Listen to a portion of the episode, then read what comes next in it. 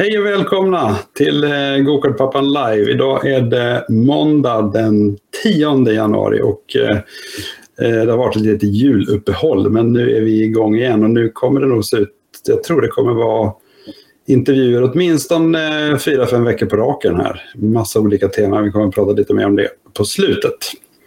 Så idag ska vi prata med Hannes, Hannes Morin. Välkommen! Tack så mycket, kul att vara här. Ja, eh, och eh, vi ska egentligen prata om, eh, jag kallar det hela för eh, en resa från Cadetti till STCC. Så vi, du, du, har ju, även om du bara är 19 år, så har du ju åkt otroligt mycket kart och bil. Så jag tänkte vi ska prata lite om det. Känner du dig gammal redan eller det gör du inte? Kan jag tänka. Ah, nej, inte riktigt. Inte när, när snittåldern är kanske 35 på, på Precis. bilracing. Men Ja. gentemot de yngre generationerna i gokart så börjar man känna jag känner lite gammal faktiskt. Är det så? Ja. Ja. ja, vi får väl se. Vi får hoppas att det är några som, eh, som eh, ställer lite frågor. Ehm, vi ska se här. Vi tar, ja, som vanligt så ehm, eh, har vi ju, man kan ju se det här på YouTube, man kan se det på Facebook och lite andra kanaler. Vi, spelar, vi lägger ut ljudfilen på Spotify och Acast efteråt också. Eh, vi vill gärna ha lite frågor. Eh, just nu ser det inte ut att vara alls många som tittar på live, så vi får väl se om det dyker upp några. Jag ser bara två stycken här just nu. Jag undrar om det är något fel eller vad det är. Men, ehm, eh, vi får se.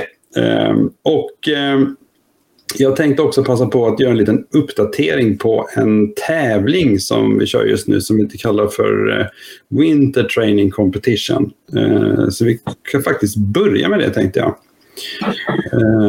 Och nu ska vi se här.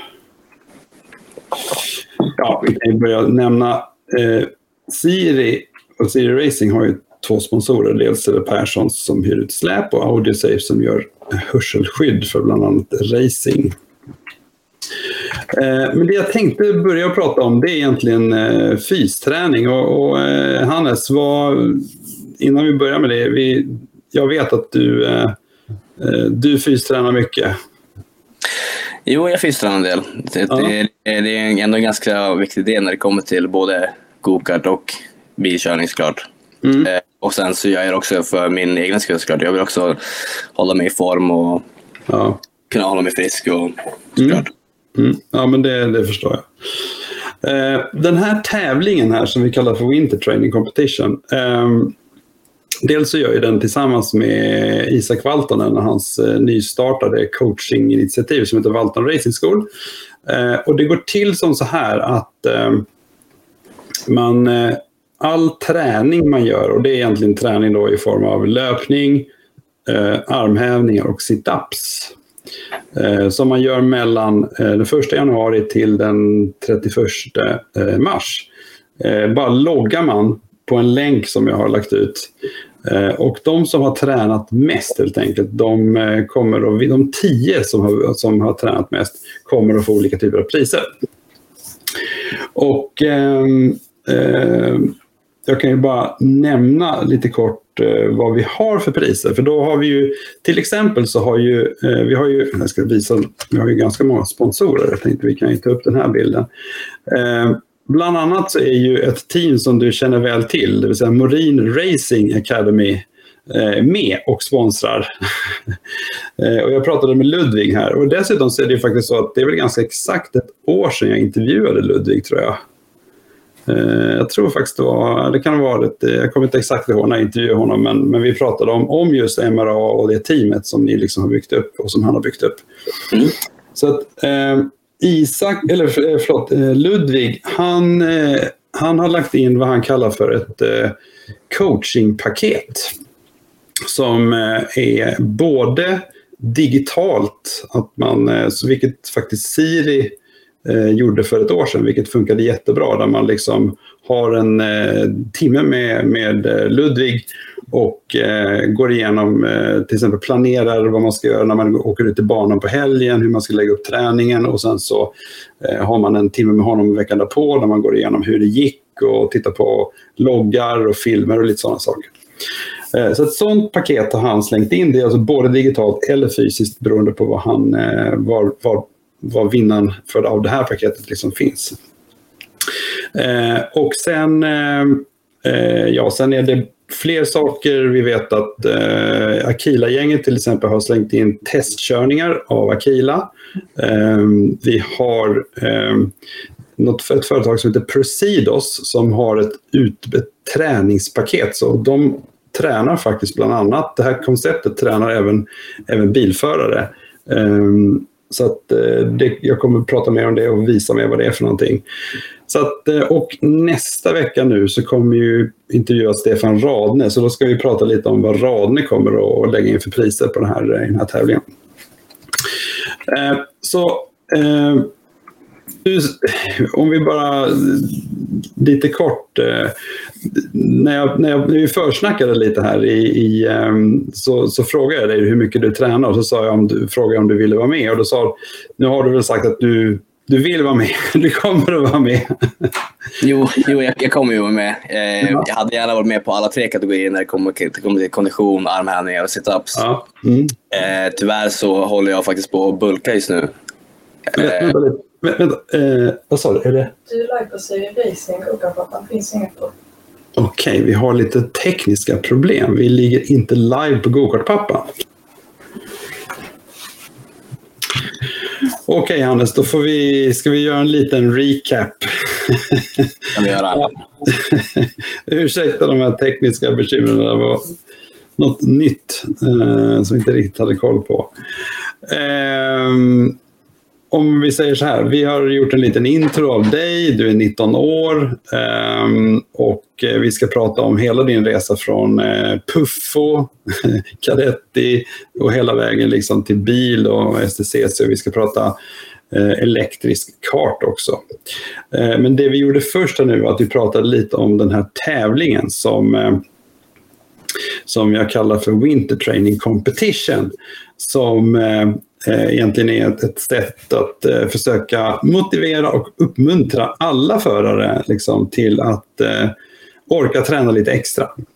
Eh, och, och, Man kan säga att upplägget är ganska enkelt. Jag har ringt ett gäng sponsorer. Eh, de är väldigt intresserade av att ge, att, att komma, ge priser. Eh, för de tycker också att det är väldigt bra att vi att alla förarna är liksom bra och vältränade.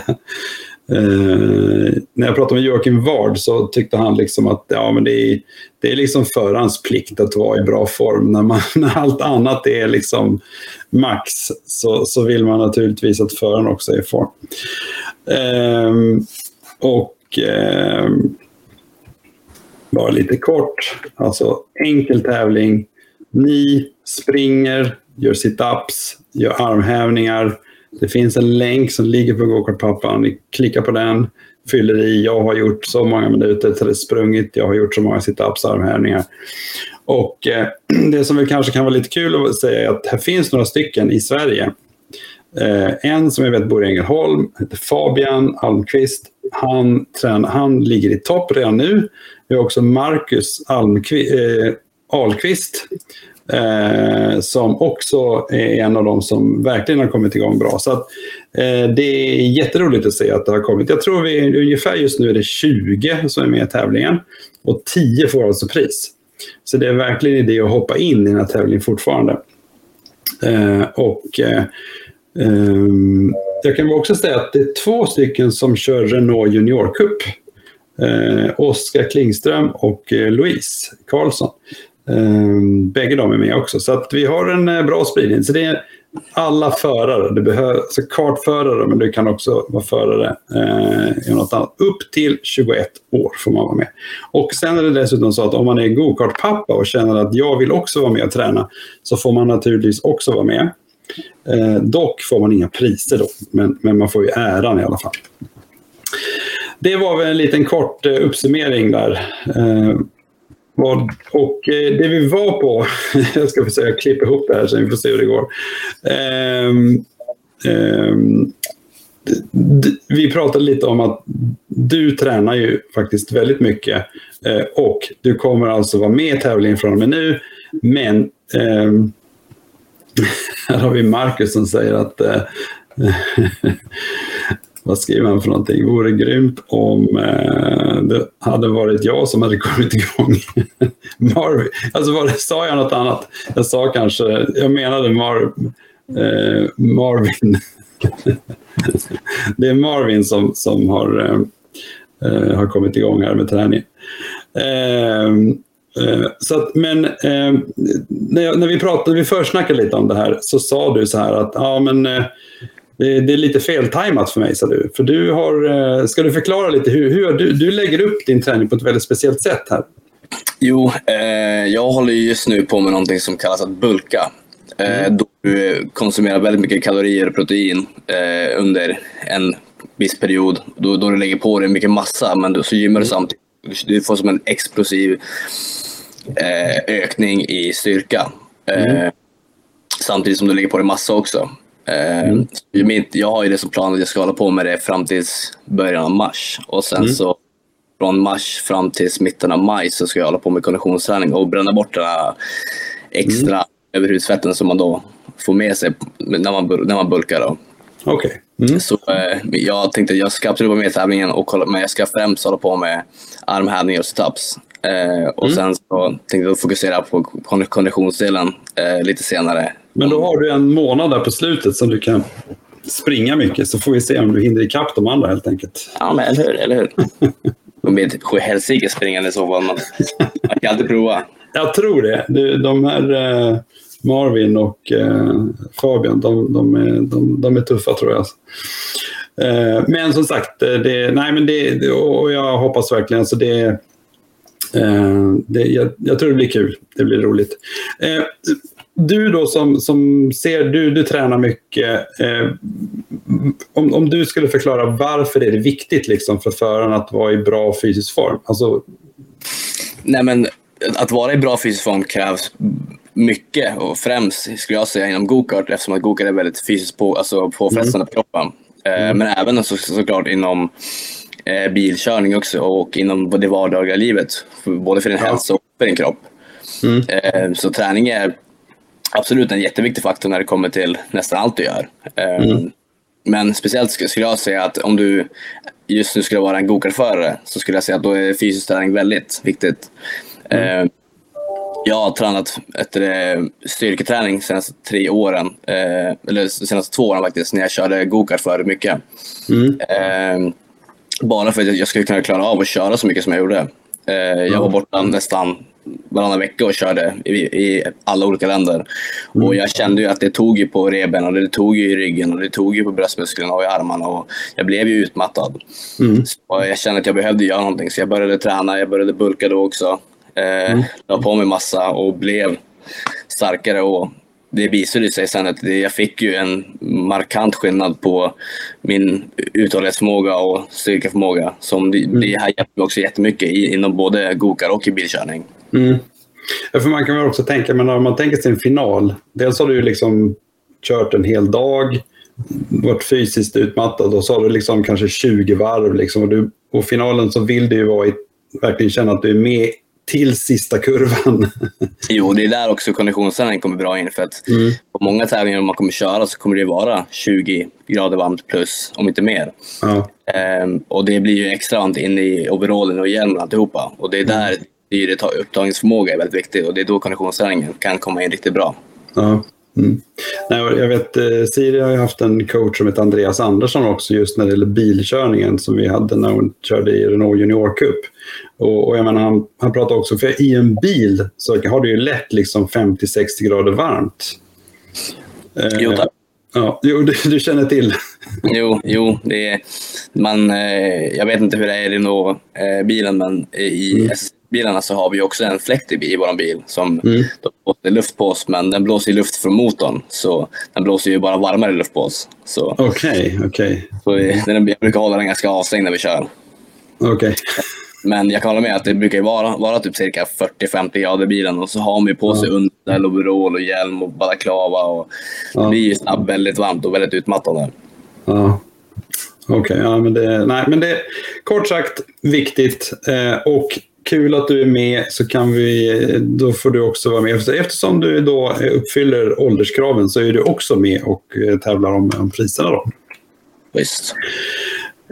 Um, jag vet när um, jag pratade med någon om att jag skulle liksom intervjua dig, så, så, och det har hänt några gånger att man säger att jag ska prata med Ludvig Morin eller jag ska prata med Hannes Morin. Liksom. Ja, de är många de där bröderna, säger de. Liksom. Jo, det där, det där har jag fått höra många gånger under min uppväxt. Ja, jag kan tänka mig det. Jo, vi är ju ett stort umgänge kan man kalla det. Ja. För det är väl lite unikt att ni är så många, liksom, nu är det ju nu kan vi se på bilden här, ni är, ni är fyra bröder, ni har en kusin och så har ni en pappa och alla ni har liksom är engagerade i motorsporten mer eller mindre, har varit eller är.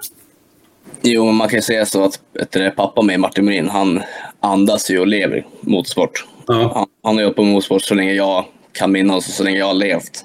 Mm, och mm. Äh, har jag fått in alla mina brorsor och inklusive mig, mig också in, in i gokart. Mm, mm.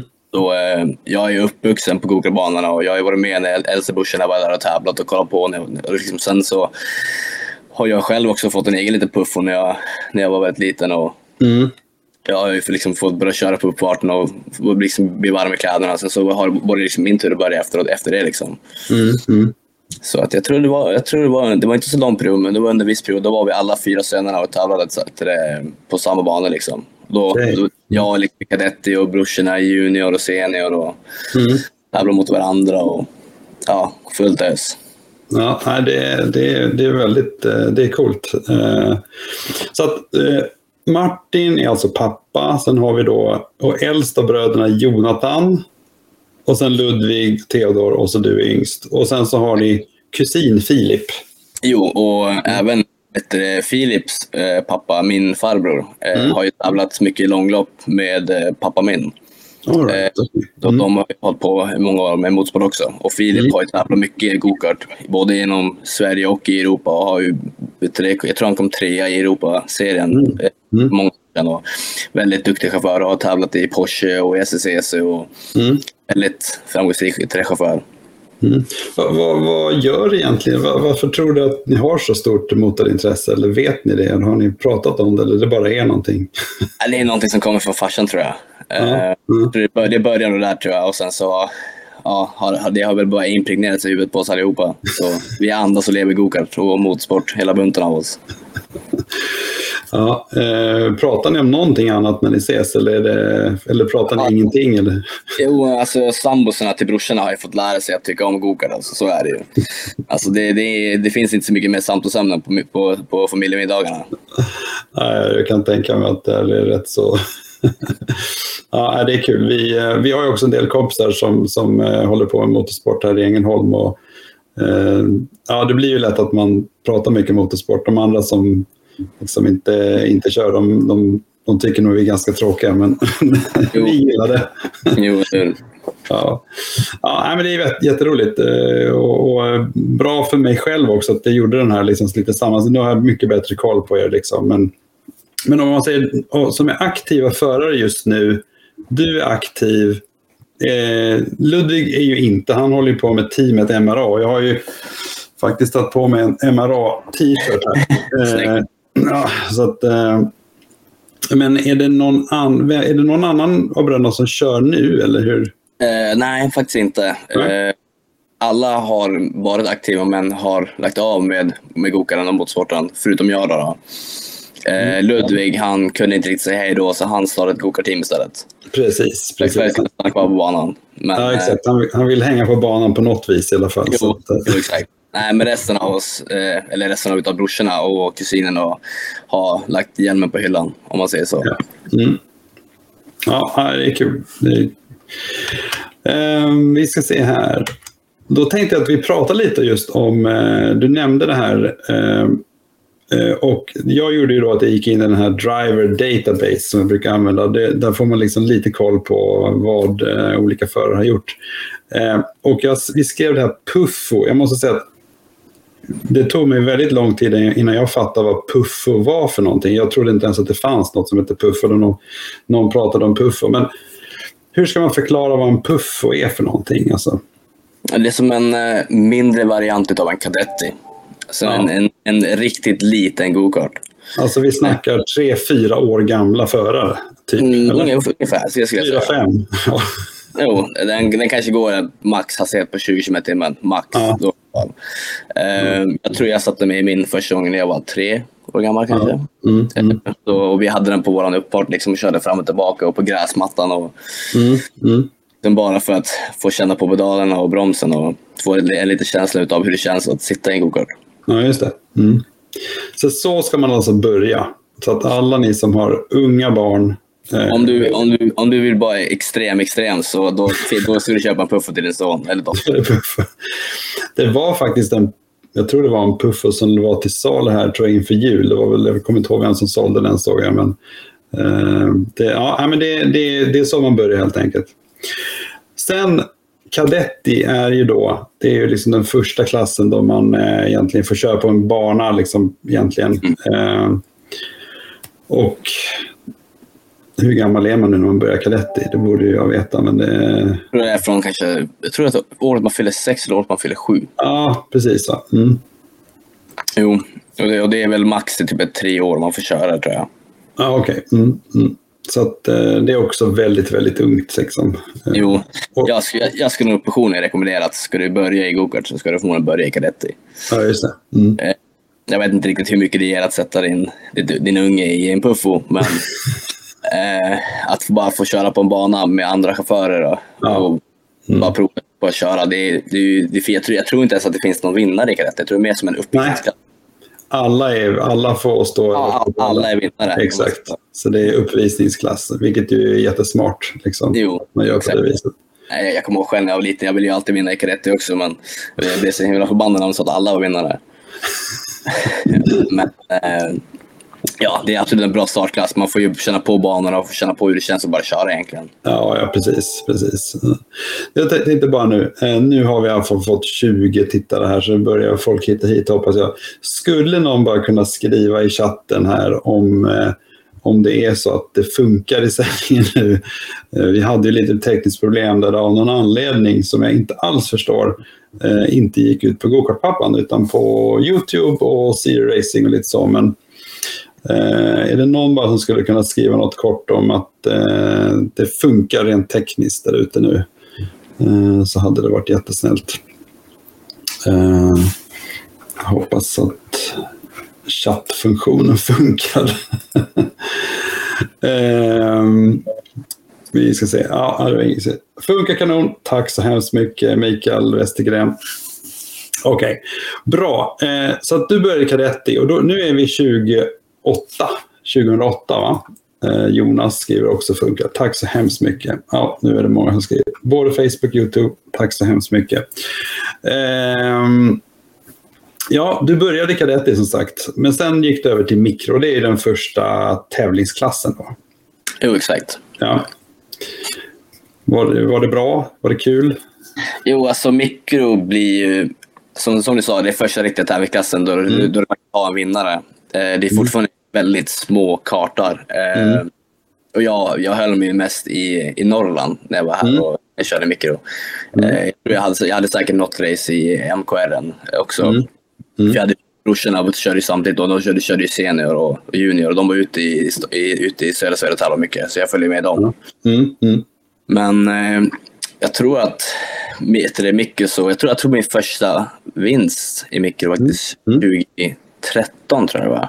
Okej. Okay. Mm. Mm. Eh, jag tror det var mitt andra år i mikro. Då.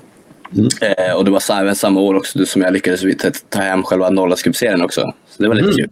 Mm, det var första gången man fick, vara, fick vara en, en serievinnare av något slag. Ja, men det var en stor pokal också. Det är ofta när man ser ja, de små. Ja, det var ju det. Och jag var ju ganska liten så det kändes ja. ju större än den är nu kanske. Men... Ja, alltså det är någonting som är väldigt kul med kartingen, att det är de här fina pokalerna. Alltså det är, det, är, det är en rolig sport med man kan få hem fina pokaler. Liksom och, ja, vi ska inte prata om Göteborgs stora pris. Det är ju annars den, med de gigantiska priserna. Mm. och sen så har du egentligen, du körde mikro, så gick du över till mini och sen J60. Så du har kört alla liksom, eh, juniorkartsklasserna.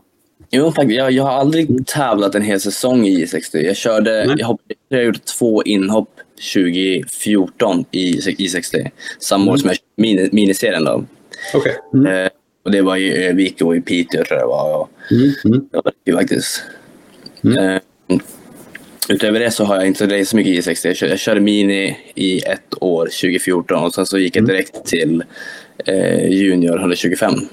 Ja, just det. För då från 2015, då var du liksom stor kart eh, och du, eh, ja egentligen 2015 då, började, då, då är det stor kart och då startade du J125 då. Mm. Um. Exakt. Um, och då körde jag ju också eh, mestadels i eh, Norrland och körde Norrlandscupen. Mm. Eh, men jag visade ganska, ganska snabbt att jag, jag hade ganska duktig förmåga på de norrländska banorna. Så vi provade mm. lyckan i södra Sverige och där var det lite mm. mera motstånd. Mm. Mm. Så, eh, det var lite tuffare, men det, var ju, det är det man är ute efter också. Man är ute efter att mm. utmanad, utmana sig själv. Så det var kul och därför mm. fastnade vi lite grann för att, att racea där ute. Mm, mm. Nej, alltså det finns ju det finns ju faktiskt eh, många, eh, nu, lite utbildning för de som inte vet så mycket om karting, men jag menar, det finns, Norrlandscupen är ju den stora i liksom norra Sverige. Sen har du ju MKR då, som jag ser som lite mellan Sverige. Eh, och så har du ju KCV som är liksom västkust och sen har du då SKCC eh, för kanske de södra delarna. Eh, så det finns ju faktiskt många, många serier. Och sen nu har jag glömt någon vet jag. Jag brukar få synpunkter på det. Eh, SKL till exempel ska jag inte glömma bort. Mm. Och sen finns det lite andra sådana serier man kan köra. X30 Challenge och lite annat också. Eh, det finns säkert någon som kan lägga in en kommentar om annat. Men, men, eh, nej, men det, finns ju, det finns ju mycket att köra verkligen. Eh, och det, det är kul. Jo, jo exakt. Mm. Sen om jag fattade rätt så höll det dig, det var liksom Sverige då, men 2016 då började du tävla även internationellt. Jo, jo exakt. Eh, mm. Som, som vi nämnde tidigare så hade jag en kusin, eh, Filip, som har rest mycket utomlands. Och mm. eh, det fick ju mina brorsor till att åka och prova på turen där ute också. Mm. Så jag har ju följt många av deras lopp liksom utomlands. Jag har ju följt med på många resor också och har sett många mm. Eh, men 2016 var mitt jag tror att mitt, mitt första faktiskt, internationella race var, var, i slutet av 2015 med, okay. med K-racing. Då. Mm. Eh, men 2016 så eh, bytte vi team och vi provade på turen igen och vi var fortfarande väldigt unga och väldigt oerfarna när det kommer mm. till att racea mot dem, de ute i det internationella. Liksom. Det är ja. väldigt, väldigt annan typ av motstånd där. Mm. Eftersom att det är väldigt många som inte känner varandra och då blir det som att det blir mycket mera hårdare racing. Mm, mm. Eh, mycket mindre förlåtande och liksom ingen som väntar på att du ska liksom ta den här chansen för att köra om. För om du inte kör om, då blir du omkörd. Just det. Mm. Eh, och det är ju en väldigt bra lärdom till Sverige också. Och det tog jag med mig tillbaka till Sverige 2016 och mm. använde i RMCn. Eh, mm. Vilket gjorde att jag kunde vinna eh, RMCn eh, i junior-året. Och RMC är ju då Rotax Max Challenge, är det det det står för? Ja. ja, det är en serie som ett, eh, av, det, avgör vem, som, vem vi skickar från Sverige för att avgöra i VM. Då. Just det. Mm. VM brukar gå oftast i, i december. Mm. Efter, efter, efter alla serier över alltihopa. Ja, precis. Så där skickar egentligen eh, ja, alla länder som, som, har, som kör den serien skickar ja. då Exakt. Ettan i serien skickar vi. I, det är både junior, senior, det är det två, det är det två masters om, om det då görs. Eh, jag tror inte att vi skickar någon från min eller mikro, för att vi, det, vi har inte samma klasser som de har utomlands där. Nej, nej men det gör vi inte. Precis. Nej, det, utan det är då... Eh, det är ju också så, X30 skickar vi också. Så att säga. Exakt. nej, exakt. Mm. Mm. Men, om, man, om man tittar på bilden här så ser vi väldigt mycket Rotax. Jo. Eh, och om jag, det har alltid varit Rotax. Jag... Alltså jag är uppvuxen med Rotax och jag har ja. kört Rotax mm. hela liv. Men jag har ju pendlat mycket också mellan X30 också. Mm. Eh, fast det är lite senare på den. Det var 2018 tror jag jag började köra lite X30. Mm. Mm. Mm. Eh, mestadels egentligen bara för att få ut så mycket körning som möjligt. För X30 ja. har ju sin egna Europaserie också. Mm. Eh, jag körde den samtidigt som jag körde Rotax Europaserien. Bara för mm. att få banorna så mycket som möjligt. Mm. Mm. Och eh, ja, det, det funkar ju ganska bra. Vi eh, körde ju hela, både Europaserien och svenska serien eh, Mm. 2018 och jag kommer, det var nog det året som jag var borta mest. Eh, jag tror att var, varje månad så var jag kanske nästan i två länder. Eh, Okej. Mm. Vi åkte från till Belgien en vecka och tränade och hade race. Typ, Och sen så åkte vi till Wilton Mill i England och tränade en vecka med teamet. Mm. Var till Belgien på, på X30 nästa vecka. Mm. Och det var så mycket körning på körning på körning att jag var helt utmattad och jag var helt slut. Men Det så, ja. Ja, men det gav ju... Eh, ja, det visade sig i alla fall att vi lyckades vinna Europaserien i Rotax Mm. och även seniorklassen i Sverige i den svenska RMC. Mm. Eh, så jag fick som eh, dubbla biljetter till VM, både från Europaserien till, till svenska, då, men den svenska biljetten blev skickad till trean istället.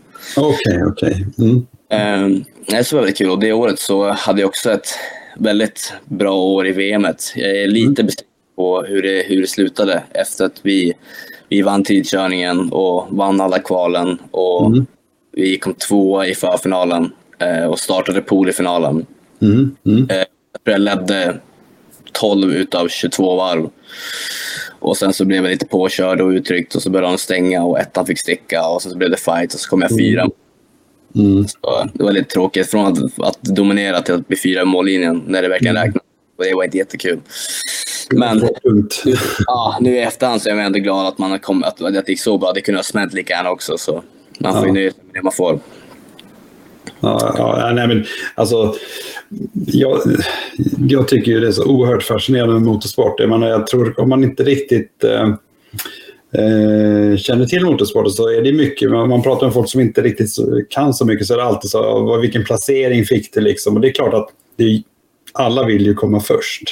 Men jag menar, alla som håller på med motorsport på den här nivån och det som du beskriver vet ju hur oerhört många saker som ska falla på plats.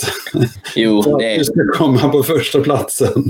det är, det är, egentligen så är det så att det, du behöver inte lyckas förrän i finalen. Då. Det, är då, det, är då, det är då det faktiskt måste lyckas. Det är då det måste Ja. gälla. Mm, mm. Så du kan, du kan vinna allting förutom själva finalen. Då, Ja. ja, du är Ja. fortfarande världsmästare. Så. Ja, nej, men, det är grymt på det viset. Alltså, det, är- det är riktigt grymt. Men, eh, men det är också det som gör det fascinerande, tycker jag. Det är liksom... Det, Ja, absolut. Det, det, man får, där får man se också, det blir ju race under hela, en hel vecka. Liksom. Ja. Eh, och man får ju racea 72 stycken av världens bästa chaufförer liksom, som har Mm. kvalat in sig själva från sitt egna, egna land. Liksom. Så det är ju Mm. ingen där som är rookie och ingen där som är nybörjare. Alla är ju erfarna chaufförer, så det är ju väldigt, väldigt hård konkurrens. Mm, mm. Ja, det, är- det är kul. Det är häftigt. Det, det är otroligt fina resultat eh, som du liksom eh, har uppnått. Eh, och, det fortsätter ju här. Liksom. Så att, sen, om vi nu säger, okej, sen eh, någonstans där så tänkte du att eh, kanske inte bara ska köra kart. Nej, nej exakt. Eh, egentligen så jag hade bestämt mig 2018 att jag hade haft tre stycken jättebra. Jag hade blivit svensk mästare tre år i rad. Mm. Jag vunnit Europamästerskapet 2018 och det, jag skulle vara på väg till att flyga till Brasilien för VM. Så jag, så jag bestämde mig redan på plats där och då att det här blir mitt sista seriösa race som jag lägger i gokart. Sen så antingen så då vill jag liksom ta nästa steg och se, och se vart jag kan hamna. Mm.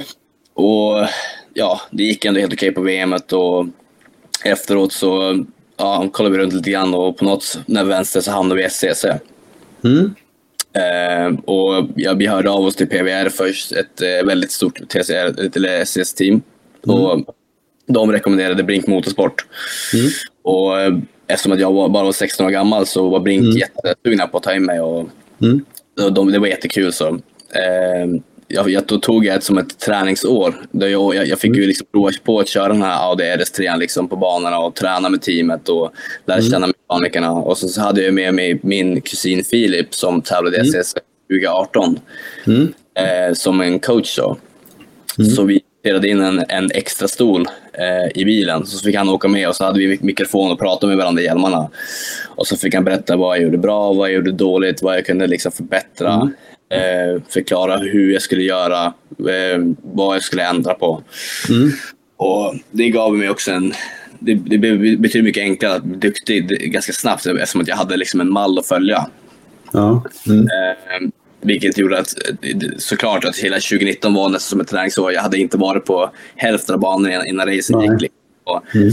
hade aldrig provat på att möta de här grabbarna förut och många av dem hade, hade kört i flera, flera år. Och är extremt erfarna grabbar. När vi sa att de, flera av dem har ju kört fler år än vad du är gammal. Jo, jo många av dem har ju hållit på i nästan 20 år nu. Så mm, mm. Man kan snacka att de har ju erfarenhet så det räcker om det. Mm, alltså, mm. det då, då kommer jag där som 16-åring och liksom ska hoppa in och köra och, och tävla och är taggad. Och, nej, så det var kul, absolut. Mm. Eh, och sen så 2020 eh, så inledde vi eh, året med att åka till Dubai eh, och köra ett 24 timmars långlopp eh, mm. med mm. Racing som, som är ett, ett annat SSS-team. Mm. Eh, så vi åkte dit och körde då ett 24 timmars i, gol i golfen. Eh, gick ändå helt okej. Okay. Vi vann tidkörningen, vi ledde jättemycket varv. Eh, och sen så på grund av ett tekniskt eh, fel så var vi tvungna att ta ett extra pitstop och tappade ledningen. Mm. Eh, och sen så kom det en, en, orka, en orkan liksom, mitt i natten och kom en, kom en två decimeter regn. Liksom. Så eh, jag fick avbryta racet och ställa in liksom alltihopa. Och det, det, det är knappt att ta sig till banan på morgonen. Oj, oj. Mm. De, har inte, de har inte byggt något avlopp i Dubai för det, det regnar ju aldrig. Nej, nej, nej. Så det var liksom överkörning överallt. Um, och sen så drog jag också ett långlopp i Portimao i april. Då, I, körde... I Portugal då, ja just det. Ja, exakt. Mm.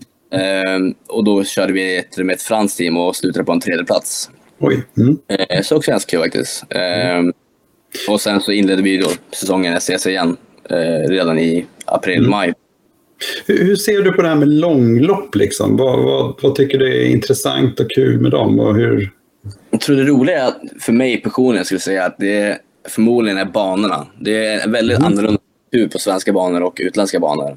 Mm. Eh, vi, vi i Sverige tycker om att vi bygger det platt. Väldigt mm. platt och väldigt plant. Mm. Eh, utländska banor gillar att bygga upp i kullar och i dalar och velodromer. Mm. Och mm. de använder sig lite mer av terräng, alltså terrängen för att kunna bygga roliga banor och det blir som en annan körstil vilket blir väldigt roligt. Mm. Det är lite annorlunda men det blir mer extremt tycker jag. Mm. Mm. det är ganska kul. Och sen så är det också nattkörning. Så att ligga där i 230 liksom, i en kurva och pumpa och så bara du ser liksom, du ser 10 meter fram, så ser du bakljusen på killen framför du ser inget annat. Så det är lite, det är lite, lite adrenalinkick faktiskt. Ja, det, det, man får nog träna för att liksom uppskatta det. Jag tror många hade tyckt att det känns ganska obehagligt. Jo, det, men så är det mycket med motorsport. Det gäller att man måste ja. våga. Man måste våga ja. pusha för att vara den snabbaste. Mm, mm, nej, men det, det, förstår jag verkligen. Det, ja, vad coolt. Eh, just långlopp, är det någonting som du ser, alltså ser det som ett bra rekommenderar att man ska köra? Alltså de förare som liksom, jag vet att, eh, är det något som du ser det är bra för liksom, att utvecklas som förare? Och... Ska du köra, ska du hoppa in i en bilklass, en karossbilklass till exempel mm. i SCC eller i Porsche eller i eh, Renault Clio. Alltså, Mm. Då är det jättevärt att göra det för du får mm. mer timmar körning än på en halv säsong. Precis. Du, du ligger och kör två timmar i sträck och sen så får du sova i fyra timmar och så kör du två timmar i sträck. Och det blir mycket, mycket körning och du, all körning i kroppen är ju bra körning. Du, Precis. Mm. du får ju liksom mer och mer rutiner och du lär dig bilen bättre och du lär dig att kunna hantera bilen bättre och mm. så nära gränsen som möjligt. Mm. Eh, och där skiljer sig också alltså, bilkörning från gokart väldigt mycket eftersom att bilkörningen har ju andra typer av däck. Och ja. däck, det är, det, är liksom, det är vanliga däck, det är inte gokardäck det är liksom släcks men det är vanliga däck och de sliter på ett annat sätt. Och när du kör så länge på dem så att eh, då är festen jättebra i början men det går av ganska snabbt och sen så måste du kunna anpassa din körstil för att ändå kunna ligga och köra en netto jämn tid liksom. Du vill inte mm. vika och sen dippa jättemycket efteråt för då kanske mm. de andra jämnare tid och då tjänar de på det i slutet. Okej, okay, okej. Okay. Mm. där också. Mm. Men absolut, ska du hoppa in och börja köra så är det jättebra att kunna värma upp lite med ett långlopp. Mm. Det skadar absolut inte. Nej, nej, intressant. Jag tror just det här du säger om, om eh, du får många timmar eh, i bilen och, och är jätteviktigt. För det, det liksom vi har kört med, med Renault Junior-cupen och bil, alltså det, om man jämför med hur med karting. Med karting kan man, man ha alla grejerna, man säger vi sticker iväg till banan vi har då typ 17 minuter till en bana här. Så det, det är liksom väldigt enkelt att sticka ut och, och köra liksom en lördag eller en kvällspass eh, och liksom få ändå rätt så mycket körning. Med, med bilen är det liksom ett helt annat projekt. Det liksom, jo, det, även fast man önskar det var så, så går det inte riktigt bara att åka till en bana och köra eftersom att banorna det är en annan struktur på det. För du får inte träna på en bana typ en månad innan ett race. Så du måste vara... Nej, liksom... det är sånt också. Precis. Ja, jo, banan är helt stängd för alla. Liksom. Mm. Så ingen ska kunna tjuvträna på någonting sånt. Så det är väldigt mm. begränsat. Och sen så liksom, innan ett race så kanske du får en träningsdag där du har två stycken 30 minuters pass. Liksom. Mm. Då måste du få ut så mycket som möjligt av det och få ut data och kunna jämföra och prova inställningar och alltihopa. Så det är ja, det. väldigt begränsat. Ja, ja, det, är, ja, det är olika, helt klart. Eh, du sa ju det att sen du körde Porsche också, du har ju kört, och det är då bakhjulsdrivet. Jo, exakt. SCC är ju framhjulsdrivet. Och ja. Eh, att, att, att, lära sig anpassa till SCC är ganska svårt ska jag säga faktiskt. Mm. Eh, från en, från en gokartförare i alla fall. Mm. Eh, för jag, jag är van liksom att du ska gå snabbt in i kurvan, pallnit, rotera, full gas. Mm. Eh, och det är ganska likt Porschen egentligen eftersom att det är också bakhjulsdrivet. Då blir liksom mm. in i kurvan, en hård inbromsning, rotera och sen så liksom tidigt på gas. Mm. Medan det är en bil så ska du liksom en hård inbromsning och sen så nästan gasa dig genom hela kurvan. Eftersom att det är framhjulsdrivet så kommer du driva dig genom böjen. Så den som kan hitta alltså, mest fäste på däcken och kunna hitta så att du kan ha mest gas genom böjarna är den som kommer snabbast i den kurvan. Mm, mm. Eh, och det är ganska svårt att anpassa sig till och ställa om sig om. Det är, liksom, det är ingenting som, som händer sådär. Det krävs ganska mycket mm. träning. Mm. Ja, men det tror jag faktiskt Siri har upplevt också. Det, det, det, det är en stor omställning. Alltså det, um, du, vi ser också här, i, du har liksom inte släppt kartingen egentligen va? Alltså det, även om du sa att du skulle köra ditt sista race så har du ändå inte släppt det riktigt. Nej, nej det är ju svårare än man tror att komma ifrån kartan. det tror jag hålla med mig om. Uh, nej, det är, väldigt, det är väldigt lätt att bara hoppa in i ett race och köra. Uh, mm. När man har så många år under bältet som jag har så liksom, det sitter i ryggmärgen. Liksom. Mm. Så, mm. många race så har det varit team som har skrivit och frågat mig om jag vill komma och köra med dem. Liksom, mm enstaka race i Europaserien eller något sånt. Eh, mm. och många, många av mina gamla team också idag, så jag frågar om jag kommer köra. Så mm. vi, eh, vi har tagit några race hit och dit och hoppat, hoppat in och kört liksom och provat på. Och det har ju varit väldigt kul, men man märker att det kommer mycket unga generationer också som är hungriga och som är snabba. Men att de är snabba, de unga alltså? Jo, jo men de, de, de, är, de, är, de är taggade. De är riktigt taggade, många av dem. Ja. Eh, de är som jag var för tre år sedan. Ja. Och jag märker att när jag har varit inne i bil och kört så har man ju liksom, även fast man är snabb så är man inte snabbast längre. Mm, eh, mm. Och det är liksom då man märker att det är lite grann man saknar och det är det här, den här edgen som man bara får av att nöta och nöta och nöta gokart. Mm, mm, mm, Men eh, det, får, det fick inte med i slutändan då, så jag har ju hoppat in och kört några race i år också.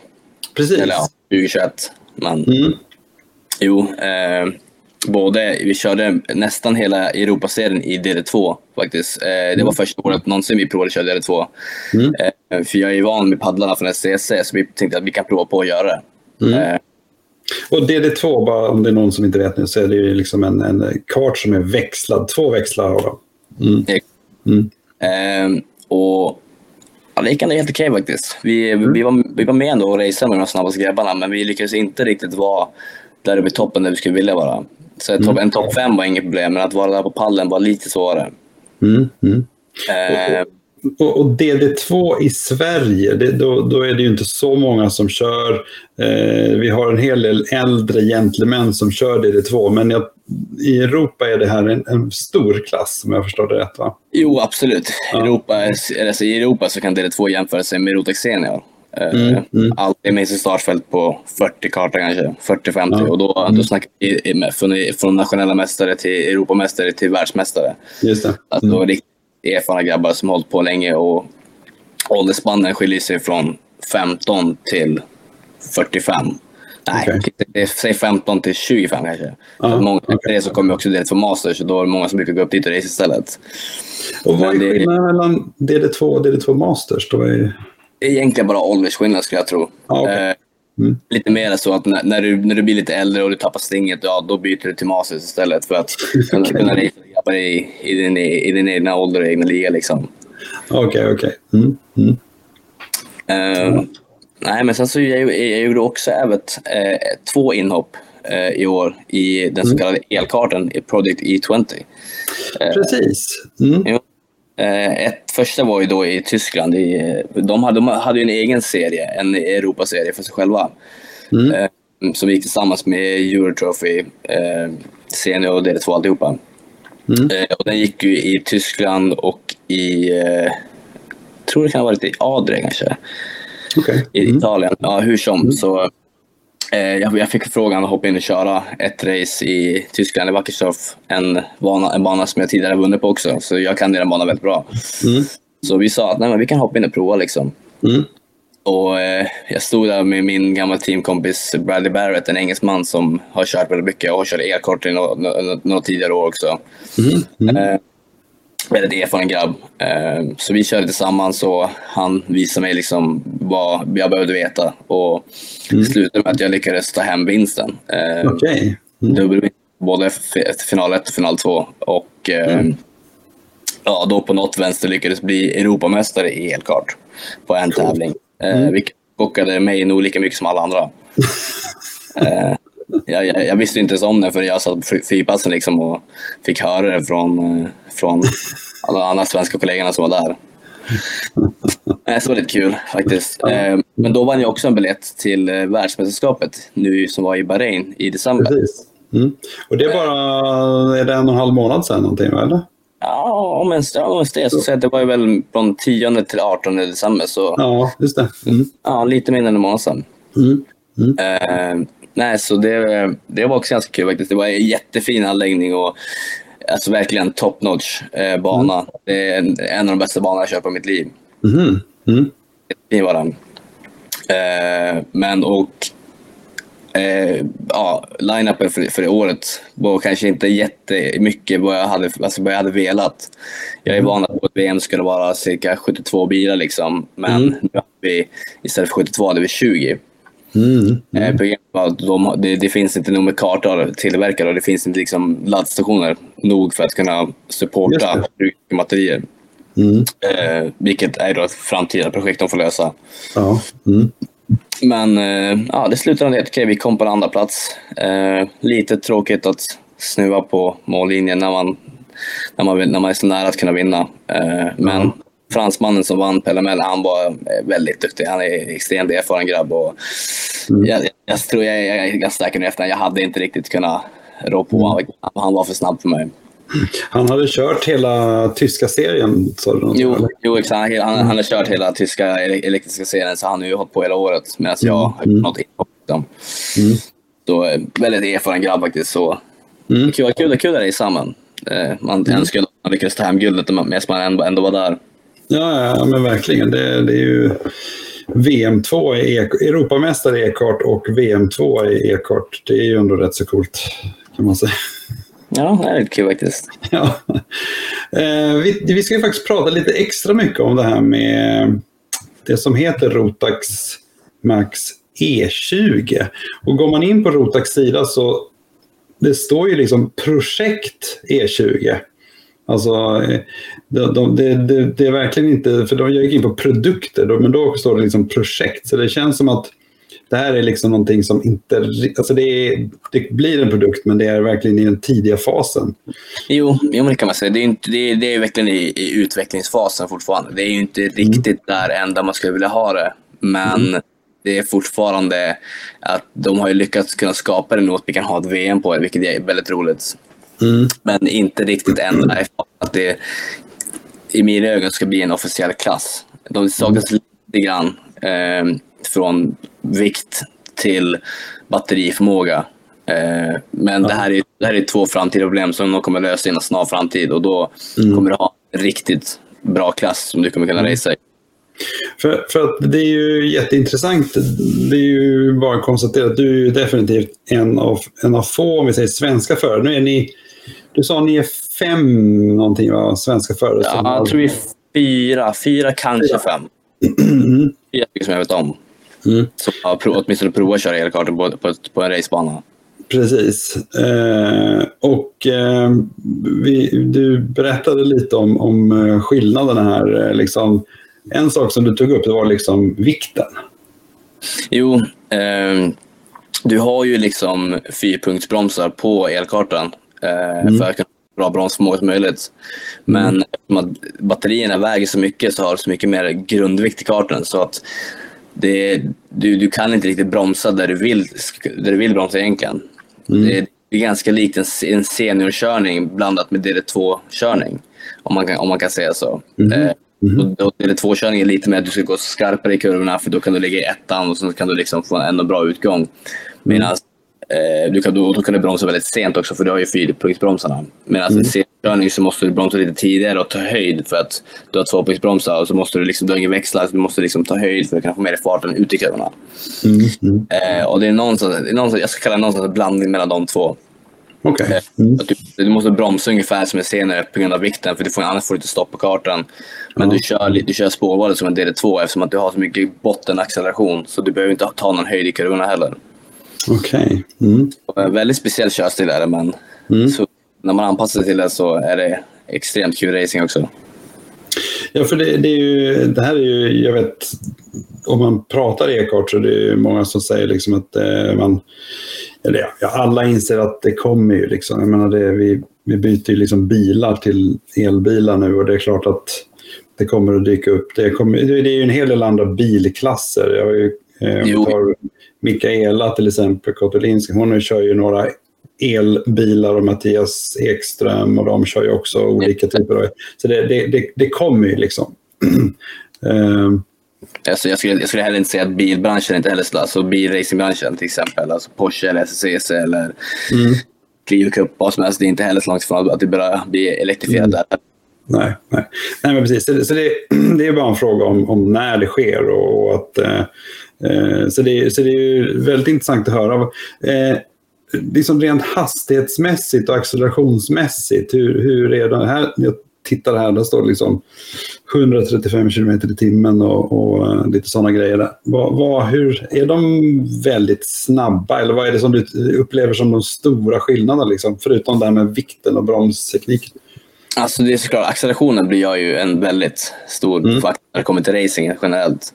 Mm. Eh, och sen så efter, på grund av att det är el och det är batteri så har du möjlighet att kunna gå in i systemet och vrida upp och vrida ner effekten. Just det. Mm. Så till träningarna så då vrider du ner effekten för att kunna få köra så många varv som möjligt. Mm. Och sen till körningen när du har bara några, typ fem minuter på dig, då vrider du upp effekten. Mm. Eh, och då får, du, då får du snabbare på rakan och mer acceleration men, men batteriet klarar mycket mindre. Okej. Okay. Mm. Eh, och sen tillbaka till racing igen så vrider du ner, ner, ner effekten för att kunna liksom klara av fler varv. Ah, okay. Mm. Så som chaufför måste du vänja dig vid två stycken olika kör, alltså körstilar, två stycken olika kartor egentligen. Mm. Eh, och det kommer kännas annorlunda att ta en kurva i, om du säger att du tar i 120 i vanliga fall, så tar du den i 130 när, när det kommer liksom, när du vrider upp effekten. Det blir ju mer annorlunda för du kommer mm. komma snabbare i kurvan. Bromspunkten kommer alltså, flyttas bakåt och mm. Mm. i kartan som du chaufför kommer märka och du, du måste anpassa dig till. Mm. Ja, det kan jag tänka mig verkligen. Det, eh, och om man kollar lite här så stod det liksom att eh, batteriet eh, ja, ungefär typ 11 varv, men det är ju då beroende på hur mycket effekt man också väljer att ta ut. Då. Och hur du liksom, eh, ja, på tidskörning så har du en eh, liksom, setting och sen har du något annat. Eh. Men kan man justera det liksom under körningen? Du kan själv ställa om Nej, ett, egentligen så måste du in i själva datasystemet för att okay. mm. och det här, Man brukar göra det alltså, mellan träningarna eller innan en tidkörning när du väl står i mm. tältet. Mm. Uh, det hade varit ganska, ganska uh, fiffigt om man faktiskt kunde ändra bara liksom på knappen någonting. Ja, precis. Uh, däremot så faktiskt, du har ju en, en så kallad boosterknapp på ratten. Mm. som typ gör samma sak. Mm. Den ger cirka 20% extra effekt under 5 sekunder. Mm. Mm. Eh, och den här ladd, den laddas upp på 30 sekunder och sen så har du den tills du använder den. Okay. Eh, och den påverkar också racet extremt mycket på väldigt många olika sätt. Eh, om din motståndare väljer, väljer att försvara så kan du liksom göra en, en ytterökare genom att använda bootsknappen ut en kurva. Mm. Och, samma gäller det också. Om, om du väljer att använda boosten på rakan och han sparar den så kommer du tjäna lite på rakan men sen så kommer han tjäna ut i böjen. Han, han väljer att använda den. Mm, mm. Så, um, den, den ger ingen mera topphastighet, den ger egentligen bara mm. mera alltså, acceleration. Um, mm. Vilket gör att man ofta använder den ut ur långsamma böjar för att kunna få liksom, en extra knuff. Okej, okay, okej. Okay. Mm. Det är lite som eh, ja, DRS, alltså det är en liten funktion för ja. just omkörning. Eh, jo, men... mm. Och det här också, det varierar också från chaufför till chaufför. Alla väljer att använda dem på olika ställen. Mm, eh, mm. Och liksom det skapar ju att det blir ju en, en viss rytm i racet. Eh, mm. Att någon tjänar på en kurva, och sen tjänar någon annan på en kurva och sen så mm. blir det race och sen så har man ingen, inte den där längre och så blir det liksom omkörningar på omkörningar och försvar. Och, så mm. i så det blir mycket mer tajtare racing och mycket svårare att dra ifrån. Eh, ja, för det, det är det man undrar. Liksom, hur bedömer du liksom själva racingen blir? För, liksom, är det, är det liksom en tajtare, roligare? Eller är den liksom bara tajtare men konstigare? Eller hur liksom, um, tycker att det är... Till Bahrain så hade de faktiskt sänkt vikten på kartan med, med typ 10-15 kilo. Mm. Vilket gjorde att många inte klarade vikten. Eh, även jag var tre kilo överviktig när jag, när jag körde för, för, första träningen. Eh, okay. jag, fick gå ner två kilo under veckan för okay. liksom, att kunna klara vikten. Mm. Eh, men många av de som var där kunde inte göra samma sak som jag gjorde. Mm. vilket gjorde att det, de hade ju ett, underläge. Och eftersom att alla är identiska kartor så blir ju vikten en liten skillnad. Ja, ja det är klart. Mm. Um, och här finns det ju inga motorfördelar och det finns ingenting som ger någon, någon fördel generellt. Det är bara din körning som kommer påverka hur snabb ja. du är alla andra. Jag tror att får du får ett, ihop ett startfält på 30 bilar med bara elkarta ja. kommer du ha extremt bra racing. Mm, mm. Liksom, jag kommer ihåg i, i Bahrain så första racet vi hade, första kvalet, eller första kvalet vi hade, så var det, jag tror det stod mellan topp sju om vem som skulle, skulle vinna. Det var liksom, mm. det bara flyttades fram, fram och tillbaka om och om igen. Det var in, ingen mm. som kunde avgöra vem som skulle vinna. Häftigt. Det, det, det, är, alltså det är ju väldigt roligt att se på. Det är, jo, men det är så det ska vara också. Det, det är då det blir ja. kul att kolla på också. Mm. När, det, när det blir racing på riktigt. Mm. Och det måste väl ändå vara ganska roligt att köra då? Alltså liksom, då har man ju... Absolut. Eh, mm. Det blir ju en helt annan typ av alltså, körstil. Mm. Eh, och sen man, det blir mycket, det blir ett extra moment man måste hålla koll på också. Den här boostknappen. Mm. Vilket gör att du själv också måste ju anpassa dig. Du själv måste, måste liksom mm. ja, tänka mer på din omgivning. Just det. Mm. Eh, jag la in en bild här på liksom hur det här ser ut. Eh, som eh, jag har absolut inte sett en sån här bild innan. Men det, är ju, det, det, man, det stora man ser är ju liksom de här stora batterierna på höger och vänster sida stolen där. Annars så finns det ju en kylare. Eh, motorn ser ju annorlunda ut helt klart. Liksom. Eh, och sen så finns det någon box här mellan ratten. Och det, du förklarar att här finns ett helt annat system vad gäller liksom loggning. Jo, exakt. Eh, den här boxen används för, först och främst för, att starta kartan via en nyckel som du stoppar in. Och sen mm. så har du två knappar, eller två knappar på ratten som du använder.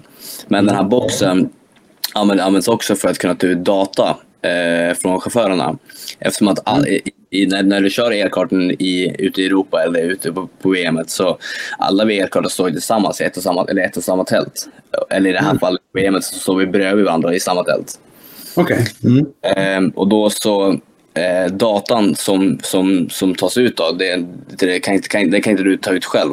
Eh, det finns, då finns ett team som jobbar med att de själva de tar ut datan och sen så ger de din data gentemot den som är snabbast på banan. Och om du är den snabbaste på banan så får du din data mot den näst snabbaste. För det här är ju också helt annorlunda. Alltså... Mm. Det, det, brukar ju vara så att du har din egen ett, Micron eller ett, ett Unipro eller vad, vad du ska ha från dig. Mm. Mm. Och där du tar ut data och kollar och jämför. Liksom. Och sen så har du din egen data som du håller ganska, ganska kärt. Liksom. Du brukar dela. Mm. Eh, du, alltså, du brukar kanske jämföra med dina, dina teamkollegor för att se vart ni tjänar och tappar. Men mm. i fallet så får du kolla mot vem du vill. Och, liksom, och, du, och viktigt att du får kolla mot den som är snabbare än dig. Eh, du får, du får, du får ut det mesta av det. du ser att ja, han boostar en tre meter tidigare än du gör. Utan, mm. utan här, eller han bromsar en meter senare än du gör. Eller han tar den här kurvan tidigare. Och du har ju GPS också så du ser spårval också. Mm. Så, eh, det är extremt bra data man får ut. Och, eh, om, man, om man då är en erfaren chaufför så kommer, kan man ändra sin körstil efter det här ganska, ganska snabbt. Mm. Eh, mm. du, kan du kan få data så kollar du och så åker du ut nästa pass och så ändrar du de här tre grejerna som du ska ändra. Och då ser, då ser du en skillnad direkt efteråt. Då kanske du, kanske du till och med är snabbare. Mm. Mm. Så det, det pushar ju alla chaufförer också att utveckla sig själva. Ja, men precis. För det, det, det pushar väl också liksom att du, du, har tillgång till all den här informationen. Och, eh, jag vet inte, är, det någon här, är det inte någon som har någon fråga på det här med elkarta? Jag tänkte att det skulle komma någon fråga här. ni, får, ni får klura lite, ni, ni som eh, kollar här. Och, annars, ni får passa på nu och, och fråga lite. Um, um, ja, nej, jag, jag, jag tyckte att um, uh, det, det är verkligen en, en det är ju liksom, det är lite intressant för det är ju det, det tekniska skillnader, kanske det man fokuserar på mycket när man bara ser den och liksom, eh, man pratar om det. Men, men det är egentligen väldigt mycket mer annat runt omkring. Alltså hela race-momentet är, är ganska annorlunda generellt så, i mina ögon, så är elkartan det, det, det är en vanlig gokart. Men mm. det, är, det är en elkart med, med ett extra moment. Mm. Eh, det enda som, som, jag, som jag såklart saknar från en vanlig gokart är att jag, jag tycker om alltså bensinlukten. Jag tycker om att det ska låta. Liksom. Jag, är, jag är uppväxt och van med det. Liksom. Ja, ja. Men jag har sett nu med, med mina egna ögon att det här funkar ju. Eh, och mm. det här kommer att bli en... Eh, det kommer bli framtiden. Inom mm. fem år så kommer vi absolut ha elkartor i Sverige också. Och det mm. kommer liksom, det kommer finnas klasser som tävlar ute i Europa och på VM och i, mm i all, nästan alla länder. Och mm. det går, det, liksom, den utvecklingen går inte att stoppa. Det är egentligen bara mm. vad kan vi göra för att, för att få det så bra som möjligt.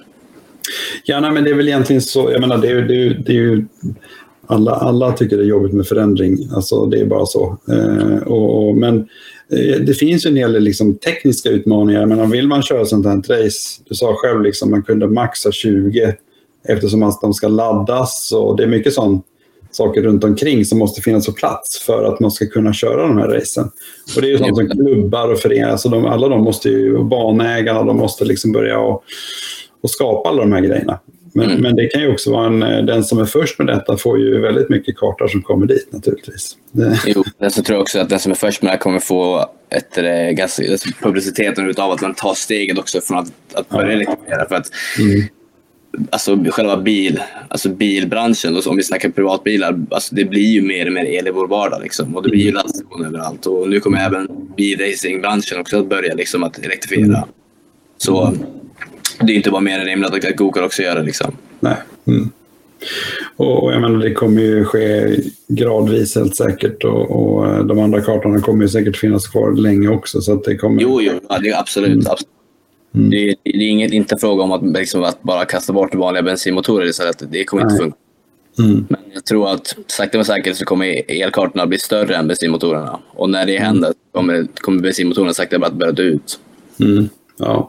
Ja. Det ska bli spännande att se. Men, men du är ju ganska så... så säga, du, du, du, du tycker att det här är ganska kul att det här kommer, förstår jag. Jo, absolut. Alltså jag, det är klart, jag tycker om gokart som gokart. Ett bensinmotor mm. eller el. Men mm. jag, jag, ser absolut ingen nackdel med att, att, att ha en, el, en elklass i Sverige. Mm.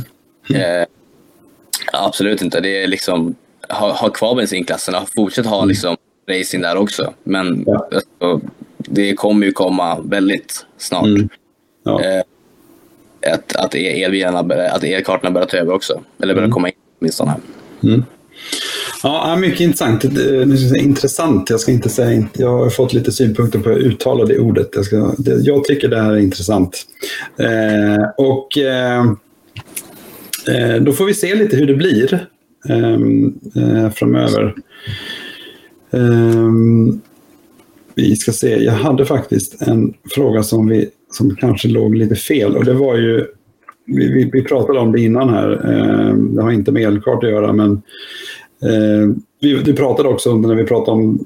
Du, du är 19 år, du, du, alla som, som kör så här mycket som du gör har ju liksom ett, eh, kan man säga, ett planerings och eh, koordination, koordineringsutmaning. Hur, eh, hur, hanterar, hur har du gjort med skola och sådana saker under den här? Hur har du liksom gjort distansundervisning eller någon sådana saker? Alltså, jag har faktiskt inte kört så mycket distansundervisning. Jag, jag gjorde det nu under corona såklart, som många mm. andra. Mm. Eh, mm. Men när det kommer till racingen så var det faktiskt 2018 som jag raceade mest. Mm. Eh, då gick jag i nian slash ettan. Ja. Mm. Så eh, under den här perioden så jag, jag byggde bra relationer med mina lärare och jag berättade mm. om hur min situation såg ut, att jag reste mycket, att jag var tävlade, att jag var duktig. Mm. Och de, de stöttade mig till 100% och gav mig liksom läroplaner som jag skulle följa och, och hjälpte mig att, att, att, instru, att instruera mig liksom till vad jag skulle göra för någonting, vad jag skulle liksom mm. mm. Jag kunde göra det medan jag var, medan jag var borta och tävlade. Mm. Eh, och sen så är det ju såklart väldigt utmanande att vara ute på banan och ge 100% och sen komma in och sen sätta sig och plugga matte. Det är, ja. liksom, det är ju ingenting liksom vem som helst kan göra. Det är väldigt, eller väldigt mm. tabelt. Liksom. Mm. Eh, men det går liksom om man liksom har bestämt sig för att göra det. Och för, ska du, ska du liksom kunna vara borta och ska du kunna racea så är det något du måste göra. Mm. Eh, men jag har alltid försökt bygga bra relationer, relationer med mina lärare liksom för att kunna mm. få den hjälp jag behöver för att kunna klara av skolan också. Mm. Mm. Och ja, jag tog ju studenten nu förra året så det mm. har ju funkat uppenbarligen. Skönt.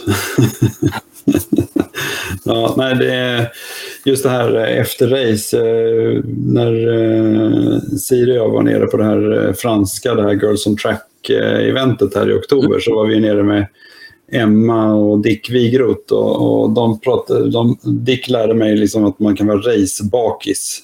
Det är liksom efter en racehelg, då är man liksom rätt så slut. och just det du säger, liksom, att gå in och då, okej, okay, helt, helt slut liksom, både fysiskt och mentalt. Och, jo. och sen eh, in i skolan. Jo, jag, jag brukar få så att efter att, eh, då är det faktiskt främst när, när det kommer till bilkörningen, för det tar lite mer mentalt bättre mm. gokart gör. Men eh, fortfarande, mm. efter jag har varit ute och raceat och så, så sätter jag mig ner liksom, så ska jag prata med en ingenjör till exempel. Mm. Jag kan märka att mina ögonlock börjar liksom slockna till lite grann och jag börjar bli väldigt trött och mm. liksom får skaka till lite grann för att vakna till liv. Mm, mm. Eh, och sen liksom, efter det här sätta mig vid en bok och börja, liksom, börja läsa, det är ju inte det lättaste. Nej, nej, jag kan verkligen tänka mig det. Alltså det um, men det, tycker du att det är mentalt jobbigare bil än kart? Alltså är karten mer fysisk och bilen mer mental? Är det, är det så? Jo, jo, men jag skulle säga att karting är mer fysiskt bättre mm. än mental. Det är såklart att mentala delen finns med där också. Mm. Eh, men i gokart så drabbas du inte lika mycket av ett misstag som du gör i bilkörning. Mm. Mm. Eh, och eftersom är bilkörning så är det så hög nivå också att det är inte din körning som kommer avgöra om du är snabb, det är hur många misstag du gör på ett race. Okay. Mm. Mm. Så, Eh, det gäller egentligen att komma, varenda varv, varenda kurva, komma ihåg exakt hur du gör och hur du ska göra. Eh, mm. För att kunna vara så snabb som möjligt och ligga på gränsen, men inte gå över. Så, fort du går över så fort du går över, då tappar du direkt en sekund. Mm. En sekund på bilbanan mycket längre än på en gogabana. Just det. Mm. Um, och det, det tog väldigt mycket psykiskt liksom, och då blir man väldigt mentalt trött när man kommer in. Uh, och så mm. är det samtidigt väldigt varmt i bilen, så man är väldigt andfådd och väldigt svettig. Och Just det den är kanske inte jättebra heller. Mm, mm. Nej, det förstår jag. Eh, när du, det, är ju, det är ju rätt imponerande liksom, hur många olika typer av eh, kartor och bilar som du har liksom lyckats köra här mellan från att du var då tre, fyra år tills att du är liksom 19 nu. Nu fyller du 20 år om jag fattar jo. det. Ja. Jo, exakt. Uh... Men, men hur, har, har det funnits liksom några sådana tankar? Eller är det här liksom pappa Martin som har sagt nu ska du göra det och sen ska du göra så? Och liksom, eller hur, hur har ni liksom... Har det funnits någon plan? Inom gokart så ska jag gärna säga att då är det ändå han som styr och ställer lite grann. Mm. Vart jag skulle åka. Eh, mm. Det enda jag fick, fick liksom vara med och bestämma det var liksom vilket team som jag ville köra för. Okay. Mm. Eh, men nu, sen när det kom till bilkörning så har det varit mycket mera Eh, för då, då, då, får inte han längre liksom vara med och mecka heller. Då finns det ju tid som har uppgiften. Och även fast jag ser liksom så kliar sig med fingrarna, liksom, han, han är sugen på att vara där och pilla. Men de, de säger åt honom liksom, du får inte, du får inte röra kartan eller röra bilen. Liksom. Mm. Eh, nej, men då, blir det liksom, då har jag fått mycket mer bestämma så här, om, om jag vill åka, åka dit och träna eller mm. om jag vill köra det här långloppet. Eh, mm. Eller om jag vill liksom köra med det här teamet eller det här teamet. Mm. Eh, och det, är klart, vi har, vi har haft liksom diskussioner och pratat. Liksom, det är inte så att jag, att jag bestämmer att jag, så här ska jag göra. För liksom, vi måste diskutera vilka är det bästa alternativet också. Mm. Eh, gentemot vad jag tycker eh, och vart jag vill, vill hamna och så. Eh, mm. Men fortfarande så... Ja. Eh, lite, lite mer så att jag jag styr väl lite mer fortfarande, lite mer i bilracing, men det är fortfarande så att han är ju ändå alltid där. Han är ju alltid där och mm. pekar och pointar och indikerar. Ja, ja, ja. Mm. Så, mm. ja. Ja, men det är bra.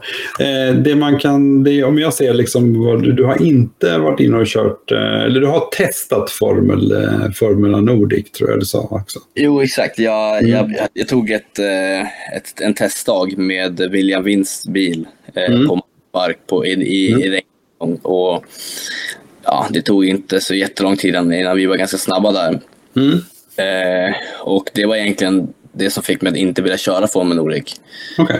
Mm. Eh, för att jag ville, ha, jag, ville liksom, jag ville ha en utmaning framför mig och Formel Nordic var ganska mm. lik gokart. Eh, okay. mm. det, var, var, det var ju då på regnet vi körde, så jag, jag har aldrig kört Formel Nordic på torrt. Nej, nej. Men jag, jag skulle säga att jag, jag är nog snabbare på torrt än jag är på regnet. Mm. Eh, mm. så, eh, ja, jag såg in, ingen direkt utmaning att, att hoppa in i det. Då jag då är det bättre att mm. få någonting rejält, typ som Porsche eller CC. Mm. Mm. Eh, och det stod ju mellan de två, de två klasserna när jag skulle börja. Eh, okay. Mm. Och jag tror att en stor faktor när det kom till att jag valde SCC var också att eh, jag skulle bli den yngsta SCC-föraren i historien om jag valde SCC. Och den titeln lockade mig ganska mycket. Så, så eh, ja, därför valde jag SCC istället. Ja, det, det, det är ett bra, en bra anledning. Eh, det blir lite historisk. Det är inte varje dag det händer. Så att, eh, det, det förstår jag. Eh, framtida planer har vi faktiskt bestämt att vi inte pratar om, utan det får komma lite senare i, vår helt enkelt. Så kommer du att säga. Vi, vi är ju mitt uppe i, ja man kan väl kalla det någon form av silly season. Eh, alla går och funderar lite på, eller de har säkert redan bestämt sig, men man väljer lite när man kommunicerar vad och sånt. Så att, eh, det, det, får vi helt enkelt eh, återkomma till. det tycker jag. Eh, nu tänkte jag tacka för alla. Vi har ju faktiskt inte fått så mycket frågor, måste jag säga. Eh, men men eh, vi får hoppas att ni... Om det kommer några frågor så, så, tycker jag att då får ni helt enkelt ställa de frågorna till Hannes på något annat sätt eller vi kan kommunicera på något vis. Um, jag tycker det har varit jättespännande att lyssna på dig Hannes. Uh, jag är också väldigt imponerad av hur uh, du sa ju att du var van vid, vid intervjuer och, och det tycker jag det märks verkligen. Jo, det har blivit några under åren men mm. in, inte riktigt så här ska jag säga. Inte som en, som lång frågestund men det har varit kul ändå att vara med och få, och få prata lite grann och, och diskutera lite grann. Ja. Ja, ja men det, Johan Strömberg, jag tror han visade att han tyckte det var bra också. Eh, det var kul. Nej, jag tyckte det var superspännande. Och ehm, eh, jag bara önskar dig all lycka till. Eh, och eh, nu kommer jag ha lite koll på det då i eh, fysträningstävlingen.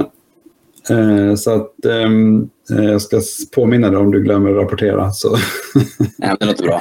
Ja. Nästa vecka eh, kommer jag intervjua Stefan Radne. Jag vet inte, vi har inte exakt bestämt vad vi ska prata om, men vi kommer bland annat prata om liksom företaget Radne och hela historien. Jag tror Stefan nämnde någonting om att det kan vara en av världens liksom äldsta alltså motorsportbutiker eller affärer om man säger så. Eh, så vi får väl se om det är så, men det får vi reda ut eh, nästa vecka. Eh, jag kan säga att efter Stefan så kommer vi, jag tror det är Westspeed, så då kommer Kari och Tommy Prosi förmodligen att bli intervjuade. Och sen efter det så um, tror jag att det är Uh, ja, vi, vi, får se. Jag kommer att lägga upp hela programmet. Just nu kan jag ha lite svårt att komma ihåg. Eh, men vi har i alla fall bokat upp ett antal uh, veckor framåt. Sen en grej, jag sa det på förra intervjun här, eller förra, att jag har ett nyårslöfte till mig själv att jag vill att jag kommer att arbeta för att vi ska inte ha några track girls på våra tävlingar i Sverige under 2022. Därför att jag tycker att Eh, speciellt då att det är väldigt konstigt för de kvinnliga förarna eh, som, som vill ställa upp. Och det känns bara helt fel. Så att, eh, men, eh, och du Hannes, eh, du, du höll med mig om det. Du tyckte jo, jag, jag, det var dags att plocka bort dem nu. Inte av någon annan anledning att det bara blir väldigt konstigt. Liksom. Nej, men jag, jag får höra det mycket också. Att vi, vi vill ju promota in alltså, tjejer in i motorsporten. Och ja. Det är lite counterproductive att dra in girls. Ja, eh, verkligen. Ja. Det var hur det skulle kunna höja självförtroendet på någon vänster. Så. Ja, nej, jag, jag, jag håller med dig. Ja, annars får vi skaffa hälften trackboys och trackgirl. Men, men det, nej, vi, vi lägger bara ner det helt enkelt. Formel 1 har lyckats. Eh, Hannes, tack så hemskt mycket. Eh, tack. Du, om du hänger kvar några, stunder, några minuter så ska jag bara stoppa strömmen här. Jag ber om ursäkt för de här lite tekniska bekymren. Jag får se hur vi gör, om jag ska lyckas klippa ihop det här på något vis eller om det kommer ligga två stycken filmer där. Vi får se hur vi, hur vi löser det. God natt allihopa, om det inte är någon som... Ska se, det någon som har någon slutlig fråga? Annars så nöjer vi oss med det. Eh, jag tror inte det. Häng kvar. Jag trycker, stänger av strömmen här. Hej då! Hej då!